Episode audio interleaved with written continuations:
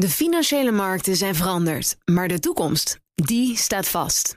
We zijn in transitie naar een klimaatneutrale economie. Dit biedt een van de grootste investeringskansen van onze generatie. Een kans voor u om mee te groeien met de klimaatoplossingen van morgen. Meer weten? Ga naar carbonequity.com. Carbon Equity. Do good by investing better. Beleggerspanel. De opvolgers van Warren Buffett staan steeds meer in de schijnwerpers... en Roy Jacobs trotseert zijn eerste aandeelhoudersvergadering... als topman van Philips. Dat en meer bespreek ik in het beleggerspanel... met Martina Afkamp van Vitesse Vermogensbeheer... en Thijs Knaap, hoofdeconoom van APG. Welkom, dames en heren. Goedemiddag. Laten we beginnen bij jullie laatste transactie. Martine, wat kun jij erover kwijt? Uh, ik heb Veolia gekocht voor mijn klanten. En dat is dan natuurlijk zit in allemaal essentiële dingen voor de maatschappij. In water, in afvalverwerking, in energie. Uh, ze hebben vorig jaar Suez definitief overgenomen. En het is eigenlijk, bedoel, je kan met Veolia alle kanten op. Dat uh, water is natuurlijk eigenlijk een soort nutsbedrijf. Dus nou ja, of het nou, ze zijn in, in die zin inflatiebestendig, ook recessiebestendig. Het gaat altijd wel door. Nou, afvalverwerking ook weer met een schoner milieu. Of natuurlijk met alle aandacht voor schoner milieu is dat steeds belangrijker. Je, je en, praat als een pensioenbelegger. Ja, nou, je bedoel, dat doe ik natuurlijk soms ook wel hè, voor klanten. Dan is het hun pensioen of hun toekomstig pensioen, helemaal als het zelfstandig ondernemers zijn. Dus er horen ook best wel eens uh, wat defensievere aandelen bij. En maar dat is geen toeval dat je op dit moment kiest voor zo'n defensiever aandeel. Nou, enerzijds is het geen toeval. Anderzijds is ook nog een, zijn het activiteiten waar ik nog niet echt in zat. En dan hoef je denk ik niet heel erg haast te maken als je kijkt naar water. Want dat is een thema wat nog heel lang zal spelen. Maar het is wel gewoon, als je dan denkt van nou, dit is een mooi moment gegeven. Ook een dividendrendement van 3,8 procent. En als je dan een beetje, als iedereen, kijk, eigenlijk schijnt er al met 100 procent zekerheid een recessie aan te komen. Nou, dan is het wel handig als je daar een beetje op instelt. Nou, laat ik je dan de uh, ultieme pensioenvraag stellen koop je het voor de lange termijn? Of is dit ja. een ritje wat je kort nee, wilde, Nee, ik koop nooit uh, korte ritjes. Ik uh, koop altijd alles wat ik doe. Wat dat betreft ben ik dan een soort Warren Buffett, zeg maar. Alleen zo oud ben ik dan nog niet. Maar dat het echt uh, de intentie is om het zo lang mogelijk in portefeuille te houden. Dan naar de pensioenbelegger hier aan tafel. Thijs, wat is jullie, jouw laatste transactie? Onze laatste transactie, Thomas. We kopen nog meer glasvezel. Ik heb hier wel eens verteld over onze, onze investering in Glaspoort. Dat is ja. een bedrijf waarmee we dorpen en kleine kernen in Nederland aansluiten. Dat is een joint venture met KPN. Ja, en uh, dat was zeg maar de lokale verbinding om het netwerk. Hè. Nu hebben we ook geïnvesteerd in de Intercity. Uh, dat hebben we gedaan door een belang te nemen in EU Networks. Dat is een bedrijf wat eigenaar is van glasvezelnetwerken tussen Europese steden, zoals Amsterdam, Londen, Berlijn. Nog zo'n 50 steden daarbij. Uh, en met die verbindingen worden grote datacenters aan elkaar verbonden. Zeg maar de B2B van het datatransport. Uh, die lijnen worden dan gebruikt door multinationals, maar ook door banken en aanbieders van clouddiensten. Dus als je een podcast luistert of naar een serie kijkt, dan is de kans groot dat het door dat netwerk uh, loopt. Ik dacht dat mensen altijd alleen maar via de FM naar radio luisteren. Maar dat is ook een hele goede, maar ik zou er niet te veel ja. voor betalen als je dat nog eens uh, moet, uh, moet doen. Oh, maar... dit is ongevraagd advies. Ja, heel goed. Nee, um, maar, het, maar, het is ook voor de lange termijn niks. Exact. En, ja, ik wil net zeggen, wat zien we hier? Dat is een illiquide transactie. Uh, we kopen het bedrijf niet op de beurs, maar gewoon van de vorige eigenaar. En dat is eigenlijk alleen weggelegd voor grote partijen zoals wij. En naast ons investeert ook IMCO, dat is een asset manager van Canadese pensioenfondsen. Wij gaan denken, en ik denk dat Canadezen ook, dat we dat lange termijn in portefeuille gaan houden. in de categorie infrastructuur, dat past er ook goed bij. de, de inkomsten groeien mee met het prijsspel, daar hebben we het al eens over gehad. En wat wij wel fijn vinden is dat het EU Networks een heel duurzaam bedrijf is. Ze hebben daar doelstellingen voor die wij steunen. De hele tent draait zo goed als op uh, duurzaam opgewekte energie. Uh, dus dat vinden we ook prima. Ja. En welk belang heb je genomen? Een minderheidsbelang, ja. groot belang, significant ja, nee, nee, significant belang. Er zijn miljoenen over tafel gegaan en we, hebben, we zijn minderheidsaandeelhouder, maar wel een groot. Waar we het ook vaker over hebben gehad, het is niet anders, dames en heren, dat is uh, Philips. Want om twee uur, dat is over minder dan een uur, dan trotseert, zo kan je het wel noemen, Roy Jacob zijn eerste jaarvergadering als topman van Philips. Met één centrale vraag: hoeveel claims en boetes moeten er nog worden betaald voor die affaire rond de slaapapneuapparaten? En is nog een vraag bijgekomen, uh, las ik gisterenmiddag in het uh, Financiële Dagblad. Namelijk, krijgt het bestuur van Philips decharge over 2022? Er zijn twee stemadviesbureaus die daar nu tegen pleiten. Het komt niet zo vaak voor, dus we moeten misschien toch eventjes uh, ophalen wat dat ook weer betekent. Als je geen decharge krijgt, dat, als dat je niet verleend wordt, wat dan, Martine? Nou, dan kan je als bestuurder aansprakelijk gesteld worden. dan, dan komt het uh, echt wel kort door de bocht op neer. Uh, en het is inderdaad, het komt wel vaker voor. Zeg maar, als aandeelhouders heel erg ontevreden zijn in de loop der tijd, is het wel vaker gebeurd.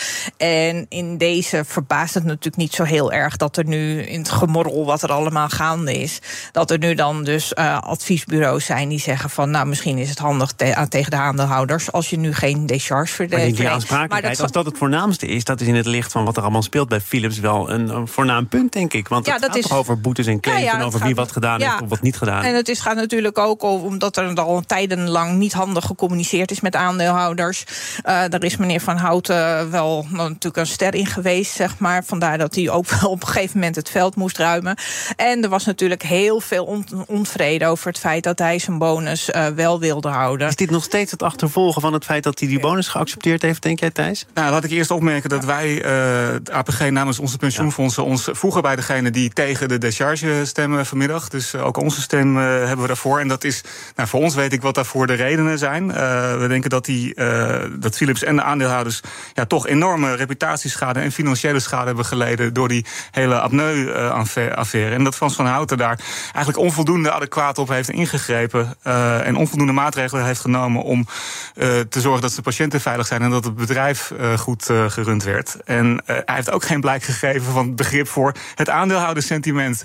door inderdaad die bonus op te eisen, terwijl de rest van het bestuur dat niet deed. Uh, en dat is dan nog uh, over het verleden. Hè? Er komt nog heel veel op Philips af. Er is nu 575 miljoen gereserveerd voor de economische schade. Je kunt de claims onderverdelen in een aantal categorieën. Economische schade is dus al een voornaam bedrag. Maar het gaat hier, denk ik, thuis vooral met, het, blik, met de blik op de toekomst over wat er aan gezondheidsschade, aan veiligheidsrisico's ja. is gelopen door de klanten van Philips. Wat zijn de mogelijke implicaties? Ja, dus hier komen nare dingen samen. Er uh, is een zaak, er zijn meerdere zaken zelfs tegen Philips uh, op de Amerikaanse markt. Uh, door patiënten die vinden dat zij ja, gezondheidsschade hebben opgelopen door die apparaten. Nou weet je van Amerika dat daar een juryrechtspraak geldt. En dat die vaak niet zuinig zijn met het uitdelen van boetes aan bedrijven. Nou, dat, die, dat moet allemaal nog beginnen. Maar ja, het zou niet ongebruikelijk zijn dat hier toch miljoenen tot miljarden aan schadevergoedingen. Miljoenen tot miljarden, dat scheelt wel een nou, paar nullen tijd. Nee, maar dus dat zijn serieuze bedragen. En ook op de balans van Philips, die best wel groot is, zou dat een, een behoorlijk forse uh, impact hebben. Dus er is nu 575 miljoen gereserveerd voor alleen het economische verlies. Dat drukte Philips het eerste kwartaal al onder nul hè, in, de, in de winst- en verliesrekening. Ja, en als daar miljarden bij komen, dan wordt het er niet vrolijker Maar er hoort dan toch bij dat je het zo goed als kwaad als het gaat... snel, vakkundig afhandelt. En het beeld dat nu opdoemt, is toch Philips treuzelt, treuzelde, ook met die terugroepacties levert niet aan bij de Amerikaanse toezichthouder wat die Amerikaanse toezichthouder nodig heeft om echt een goed beeld van de situatie te kunnen schetsen. Hoe komt dat toch? Nou ja, het, is al, het begint nog veel eerder natuurlijk. Dat zal veel eerder gewaarschuwd zijn dat er mogelijke problemen waren. En dat ze daar allemaal niks mee gedaan hebben. Uh, dus in die zin treuzelen ze al heel veel langer. Uh, ja, waarom ze dat doen, ik weet het niet. Uh, bedoel, maar de toezichthouder zegt nu: wij willen van Philips informatie, we hebben ja, data nodig. Ja, we krijgen dus, niet al die data. Nee, dat klopt, dat staat. Daar ben je niet echt mee sympathie. Nee, nee, maar ja, dat is natuurlijk, bedoel, dat is in principe is communiceren met zeg maar derde partijen. Is blijkt de afgelopen jaren niet niet Philips allersterkste punt geweest zijn op dit gebied. Uh, en ik zou, ja, ik zou denken, als ik daar zou zitten, zou ik ook denken: nou, huppakee, eh, doorspakken. En, maar ja, bedoel, aan de andere kant, met alle claims die daarna nog gaan komen, natuurlijk, kan je, moet je je afvragen. Bedoel, want dat, daar zit eigenlijk nog de grootste pijn, of kan daar gaan zitten. Want dat wordt, ik denk dat niet in de miljoenen, maar in de miljarden sowieso loopt. Maar dat je daar dus het meeste van gaat krijgen. Van ja, moet je dat wel in een rechtbank willen uitvechten? Of moet je dat niet ergens willen gaan schikken? Want je krijgt nog veel. Het duurt allemaal eindeloos. Als je in dit tempo doorgaat gaat, ben je 2025, 26, ben je eens een keer klaar. En al die tijd blijft dat ook boven natuurlijk je aandeel of boven je bedrijf hangen. Ja, maar het ehm, aandeel is natuurlijk, Thijs, we hebben het er vaker over gehad, zoals aangegeven, al wel heel erg afgestraft. Je zou kunnen zeggen uitgebodemd. Er kan nu alleen nog maar iets opwaarts gebeuren. Dat heeft Roy Jacobs ook gezegd. leuk dat je het zegt, want ik was uh, in mijn stuk aan het kijken. We hebben het hier vorige keer uh, besproken, Philips, op 25 oktober. En toen zei hij tegen mij van, nou, dit is 75% gedaald. Dit aandeel moeten we het nu niet een keer gaan oh, kopen. Oh, denk, nu weer de vraag. Moeten we het nu weer, maar ik, ik wou even nog de, de, uh, de situatie sindsdien. Want sindsdien is het aandeel inderdaad 57% omhoog. Ja. Dus we hadden op dat moment met z'n allen in moeten stappen. En dan was het geweldig geweest. Om maar te zeggen dat ondanks alle nare verhalen die wij hier vertellen... dat het voor beleggers toch altijd de vraag is... zit het in de prijs of niet? En we kunnen achteraf wel stellen dat het ja, 25 oktober in ieder geval in de prijs zat. Ja, wat zit er dan in de prijs? Die miljoenen of die miljarden? Of die mogelijke schikking? Dat hangt natuurlijk toch nog steeds boven het bedrijf. Ja, dat is inderdaad, en dat is de grote vraag. Beleggers houden helemaal niet van onzekerheid. En het idee dat je zomaar een miljard of twee uh, aan de rechtbank kan verliezen... dat is ja, een onzekerheid die je er liever niet bij wil hebben. Wat dat betreft ben ik het wel met Martine eens... dat je liever snel zou schikken dan dat je daar nog jarenlang onder, uh, onder functioneert. Ja, en dan is de vraag van waarom is die koers dan toch zo omhoog gegaan... ondanks dat zwaard van Damocles wat erboven hangt.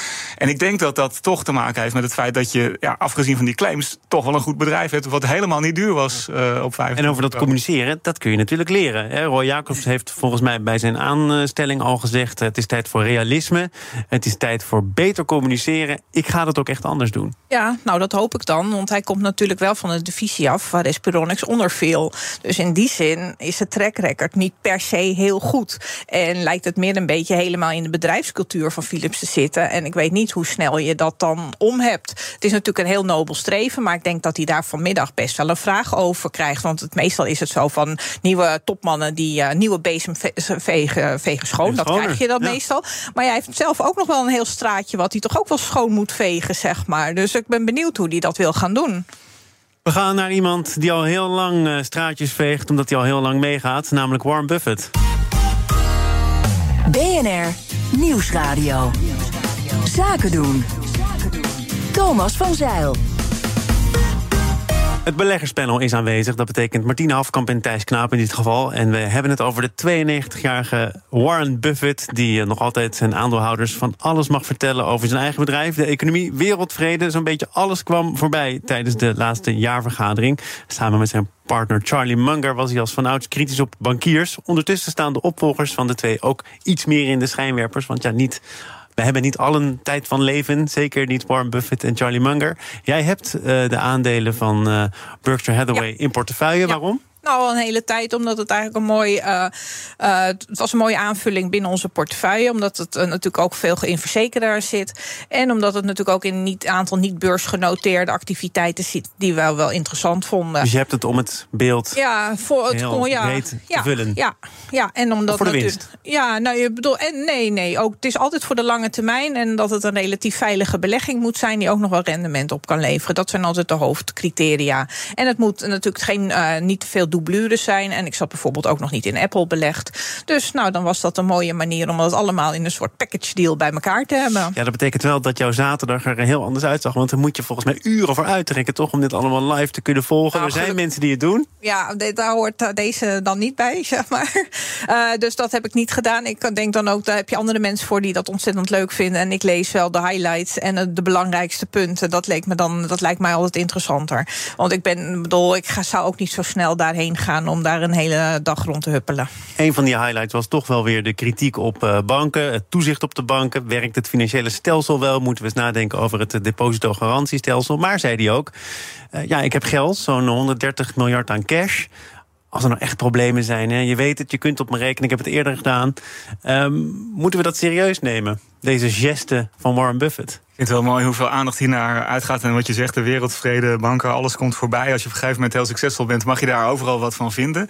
Nou, ik vraag Buffett heeft hoor, inderdaad, eh, nou, dat is, nou, ik, zoveel cash heb ik nog niet staan, maar ik ben blij dat je het nou aan mij vraagt. Maar eh, ja, dus in zekere zin, als Warren Buffett zegt, ik, dat zou ik wel interessant vinden, is dat natuurlijk nieuws. Want hij heeft inderdaad die honderden miljarden en hij zou, als hij zou willen, eh, zomaar een bank kunnen kopen. Eentje toch? Niet alle. Niet allemaal, nee. Dus dat, zelfs voor? Warren Buffett is dat nog wat te veel. Maar hij zou, ja, het zou wel zich wel wat, wat, wat kunnen toevoegen.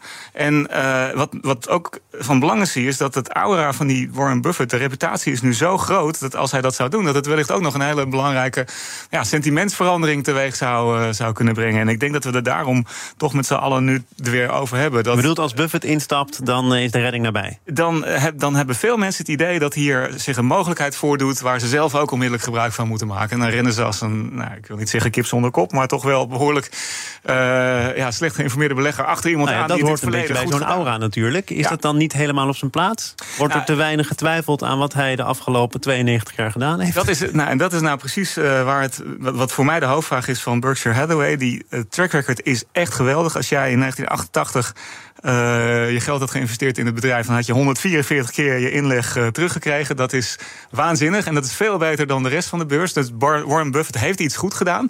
Hij, je kan zeggen, hij heeft heel veel geluk gehad, maar ik denk toch dat hij er verstand van heeft. En de vraag is nu: is dat bedrijf, en dan met name als meneer Buffett straks uh, er afstand van neemt of er niet meer is. Nou, dat vind ik prematuur. Is dat, hij is pas 92. Hij is pas 92. Het kan nog jaren door, maar er moet toch een moment komen dat hij ermee stopt. en en kan, je dat dan, kan je dan doorgaan op dezelfde voet? Of zit het geheim in Warren Buffett zelf en is het niet te repliceren? Ik denk dat daarom iedereen het ook steeds over de opvolgers heeft en over uh, ja, hoe het dan verder moet met het bedrijf.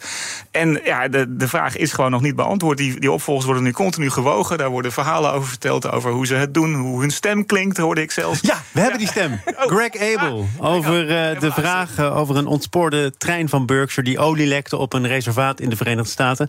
Dit is het antwoord, inclusief stem. Derailment side, we did have a, an issue around the track derailed. We worked very closely with the tribe to uh, mitigate that issue instantly, uh, or at least over a very uh, reasonable period of time. They were very responsive. Our team was very responsive. And there are really no long-term environmental impacts to, to that uh, to that spill. Ja, gaat, gaat, deze man de Voice winnen? Het doet mij wel ergens aan denken, moet ik zeggen, als ik dit zo hoor. Uh, ja, het, ja. het is een beetje Trumpiaans uh, bijna. Uh. Maar moet je, moet je inderdaad op dit soort dingen letten? Of moet je vooral letten op wat hij zegt en hoe zakelijk dat is? Of het een beetje in de lijn is van de grote meester? Nou, dat lijkt me logischer dat het in de lijn is van de uh, beleggingsstrategie, filosofie van uh, Berkshire Hathaway. Uh, ja, wat, wat je zei over die banken. In 2008 was die dan, kwam die zeg maar to the rescue. Maar dat was vooral ook natuurlijk gebaseerd dat hij er zelf ook wel beter van werd toen die Goldman Sachs ging helpen. Ik bedoel, dat was tegen hele mooie voorwaarden. Daar heeft Berkshire heel veel geld aan verdiend. Dat is dus, toch niet verboden? Of nee, helemaal niet. Maar het is niet zo dat het een soort dat hij echt dat, dat de redder in nood is, zeg maar. Uh, nee, hij heeft gewoon goede zakelijke deals gedaan. Uh, wat mij meer opviel nu de afgelopen tijd... is dat hij natuurlijk eigenlijk uh, alleen maar het afgelopen kwartaal heeft afgebouwd... en niet echt nieuw geïnvesteerd. Ehm, en dan kan je weer kijken van... hij vindt blijkbaar de Amerikaanse beurs... want hij zit toch vooral in Amerika belegd. Een beetje Japan, maar dat mag, dat mag eigenlijk op dat hele totaal geen naam hebben. vindt hij de Amerikaanse beurs dus eigenlijk nog een beetje te duur? Of maar cash levert misschien ook wat meer op. Nou ja, nu heel veel, maar ik bedoel, hij praat ook een beetje naar zijn eigen positie. Hij ziet al heel lang, en dat is natuurlijk een beetje weer het nadeel van je, als je, zulke als je zo groot bent als beleggingsvehikel, um, dat je dan met kleinere beleggingen, dat zet geen zoden aan de dijk. Dat maakt het verschil niet. Dus dan moet je echt naar grote dingen kijken. En, nou, en als je die te duur vindt, bedoel, hij, heeft, hij stond ook, er stond ook heel veel cash toen het helemaal niets opleverde. Hè. En nu heeft hij de, het voordeel weer dat natuurlijk die rente heel hard opgelopen is. Hij zegt ook, ik zet het niet op de bank, ik zet het in kortlopende staatsobligaties. Dat doen wel meer mensen. Ja, ja, weet ik. Maar bedoel, in Amerika levert dat natuurlijk nog wat meer op dan uh, dat het hier oplevert. Dus dan zegt hij dat, dan wordt hij ook in die zin weer betaald om te wachten. Dus heeft hij ook wat minder noodzaak om echt te zoeken. Maar, maar zit, zit de magie in de man of in het bedrijf? Toch de uh, vraag van Thijs Nou, ik denk dat het in een combinatie zit. Ik, dat, hij zegt ook zelf van, ik doe het allemaal niet meer. Ik doe het al lang niet meer in mijn eentje. En hij zit ze natuurlijk ook wel uh, naar voren te schuiven... om daar weer meer duidelijkheid in te krijgen. Um, het hangt natuurlijk nog steeds, want dat, zag je, dat zie je dan ook altijd wel op die aandeelhoudschaling. Het hangt wel echt om hem. En dan is iedereen zo uh, leuk dat hij zo lekker gewoon nog over, uh, gewoon over straat kan lopen. Altijd gewoon is gebleven. Dus in die zin zal dat wel. Ja, ik weet niet of het dan echt effect zal hebben op het moment dat hij er niet meer zou zijn. Het zou voor een kortstondige koersreactie kunnen zorgen. Maar ja, als je wat verder kijkt dan je neus lang is, dan die beleggingen worden er niet ineens anders voor. Ik anders zat, door. Dat kan niet. Ik kreeg gisteren ook die vraag: wat zou er gebeuren als Warren Buffett er opeens niet meer was? En uh, toen moest ik even nadenken. En toen dacht ik aan uh, de serie Succession, die jullie natuurlijk allemaal aan het volgen zijn op dit moment, waar ook de, de visionaire leider in één keer overleed. Uh, en toen ging volgens die serie ging de beurskoers met 20% omlaag. En toen dacht ik, dat is eigenlijk een goede schatting. Dat is precies het effect wat ik zelf ook ongeveer, ongeveer in zou, zou kleuren. Dat, dat, dat de magie zeker 20% van de waarde van het bedrijf op dit moment. Maar ja, met bepaalt. Apple is het ook nog goed gekomen. Hè? Dus, dat is waar, ja. Ja, dat, dat is natuurlijk de instantane reactie. Wat er Ja. daarna gebeurt is een tweede. Ja, daarom. En dan kan je ook weer zeggen, ja, die Abel die is ook alweer 60. Dus ja, dat wordt, het wordt ook alweer tijd voor wat nieuws. Over percentages gesproken nog heel kort. Eh, want 20% dat is niet waar eh, wonderbelegger R het voor deed, Mark R. Hij heeft ook eh, ja, indruk gemaakt blijkbaar op de topman van Bitfavo. Die is er met open ogen ingetuind voor een enorm groot bedrag. Overigens zeg ik er meteen bij Thijs niet als enige. Maar hoe bestaat het? Ja, we hebben weer een Ponzi-scheme, zoals je dat in het Engels zegt, naar de Italiaanse Amerikaan die dat in 1920 eh, rondom Boston deed. Dat zijn zeg maar beleggers die beweren dat ze geweldig succesvol zijn en eh, achter de deur, als niemand kijkt, de inleg van nieuwe beleggers gebruiken om de oude beleggers te betalen en zo de indruk wekken dat je eh, ja, dat, je dat eh, op de markt verdient. Ik denk dan altijd. Waarom? Dat kan niet goed aflopen. Waarom begin je er dan toch aan? Nou, dat, dat kan ik niet helemaal. Misschien moet je dat niet vragen aan een Verklaren. Cryptobedrijf. Eh, nou de ja, topman van een dat, cryptobedrijf. Dat is een, een, een eh, insinuatie die zie ik niet voor mijn rekening. Nee, maar misschien is dat wel eh, een goede. Ja, dus het, misschien het, het belangrijkste. De, het- kennelijk leeft er onder veel beleggers toch nog het idee dat er mensen zijn die 25% rendement per jaar kunnen halen. En als je die kent, dat je daarvan mee kan eh, Ja, profiteren. ik ken Martine. nou ja, 25%. Nou, die heeft dat nog nooit gezegd. Dat, maar het is meer natuurlijk in die cryptowereld zijn dat soort rendementen normaler. Zo. Dat zijn de uit, koersuitslagen wat groter, laat ik het dan zo zeggen. Dus is het misschien komt het dan iets geloofwaardiger over. Dan Ik denk- probeer een beetje te, ja, maar dan, in te leven. Ik snap het, maar dan zou ik het dan alsnog in het bedrijf beleggen waar ik zelf in actief Nou was ja, en niet bij een ander. Maar, Ja, nou ja, nee, ik vind het ook heel bijzonder dat dat dus door de tijd heen... dat het iedere keer weer kan oppoppen. En dus dat het iets van alle tijden is. Maar dat het ook, in dit geval zijn het volgens mij mensen, ondernemers... die best gepokt en gemazeld zijn. Ja. En dan denk ik, nou, dan heb je toch wel het een en ander meegemaakt. En ook dat- die denken dan van er bestaat Ja. iemand die dit kan en ik ga daar mijn geld beleggen. Dus beste luisteraars, eh, de, tip, tip van de dag. Als er iemand is die. eh, Het kan best zijn dat er iemand is die 25% per jaar haalt. Maar als hij dan ook nog aanbiedt om dat ook voor iemand anders te doen. dan is er echt iets mis en dan moet u er niet intrappen. Thijs Knaap, hoofdeconoom van APG. Dank voor je komst. En Martina Afkamp popt morgen alweer op van Vitesse Vermogensbeheer. Tot morgen dus. En dank voor vandaag. Beleggerspanel wordt mede mogelijk gemaakt door Annexum. Al meer dan 20 jaar de aanbieder van vastgoedfondsen. De financiële markten zijn veranderd, maar de toekomst, die staat vast. We zijn in transitie naar een klimaatneutrale economie. Dit biedt een van de grootste investeringskansen van onze generatie. Een kans voor u om mee te groeien met de pioniers van morgen. Meer weten? Ga naar carbonequity.com. Carbon Equity. Do good by investing better.